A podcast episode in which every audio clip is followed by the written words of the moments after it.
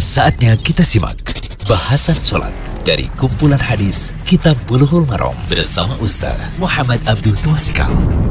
Bismillahirrahmanirrahim. Assalamualaikum warahmatullahi wabarakatuh. Alhamdulillah. Wassalatu wassalamu ala rasulillah wa ala alihi wa man tabi'ahum bi ihsan ila yaumiddin. Allahumma inna nas'aluka ilman nafi'a wa rizqan thayyiba wa amalan mutaqabbala. Puji syukur kita panjatkan pada Allah. Salawat serta salam semoga tercurah pada Nabi besar, Nabi yang agung, Nabi kita Muhammad sallallahu alaihi wasallam. Baik kali ini kita masuk di audio ke-71 dari pembahasan kitab Bulughul Maram, kitab salat. Bab al-hathi ala khusyuk fi shalah, bab dorongan untuk khusyuk dalam salat.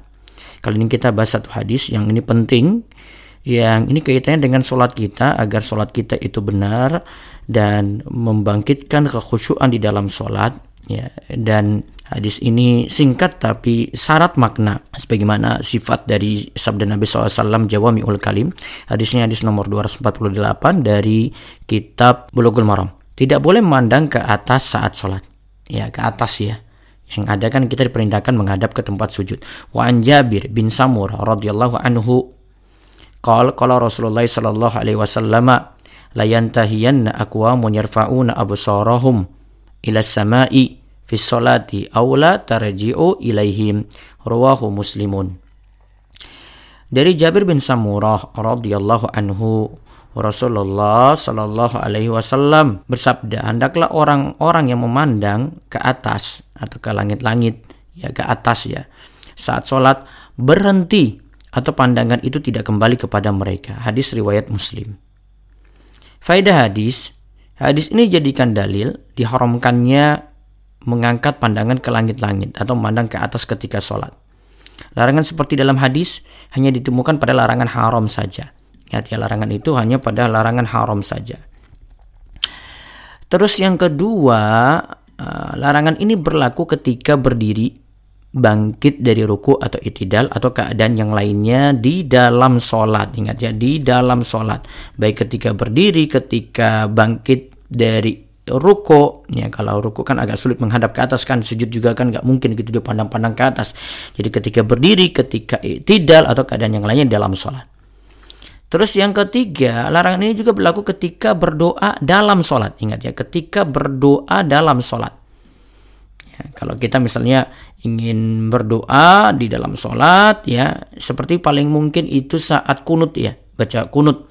Nah, ini tidak perlu menghadap ke atas. Tidak boleh radhiyallahu anhu Rasulullah sallallahu alaihi wasallam bersabda la yantahiyanna aqwamun an raf'ihim absarahum inda du'ai fi sholati ila samai aula tukhtafanna absaruhum.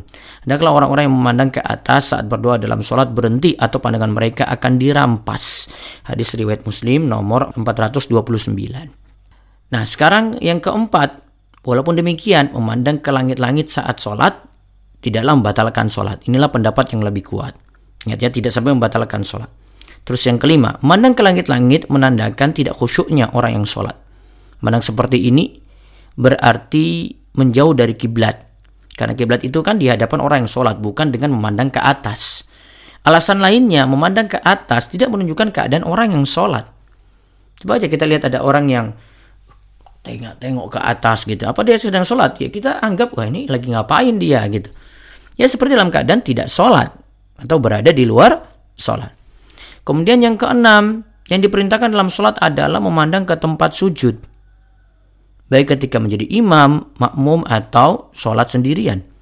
Inilah pendapat jumur ulama. Yang berbeda dalam hal ini adalah ulama Malikiyah yang memerintahkan melihat ke depan bukan ke tempat sujud. Namun yang lebih tepat adalah memandang ke tempat sujud. Sebagaimana praktik Rasulullah Shallallahu Alaihi Wasallam. Nyata ini contoh dari Nabi SAW.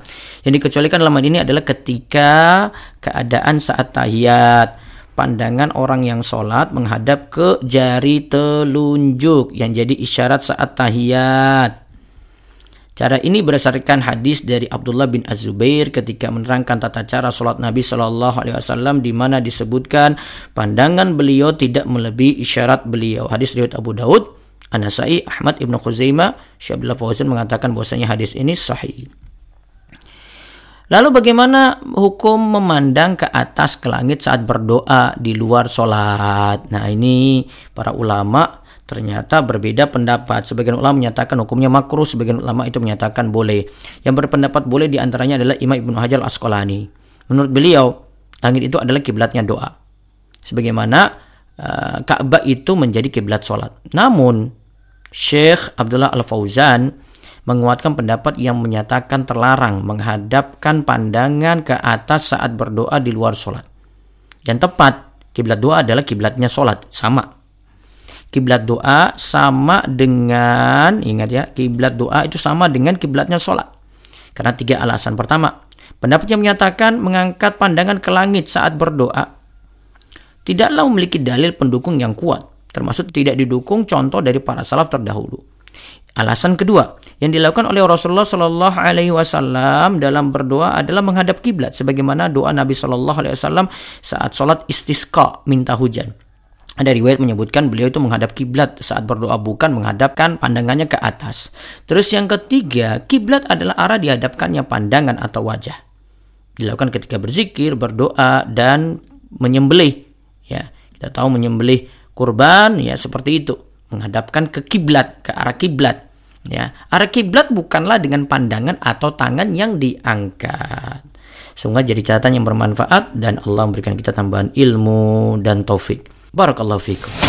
Demikian bahasan solat dari kumpulan hadis Kitab Bulughul Maram bersama Ustaz Muhammad Abdul Tuasikal.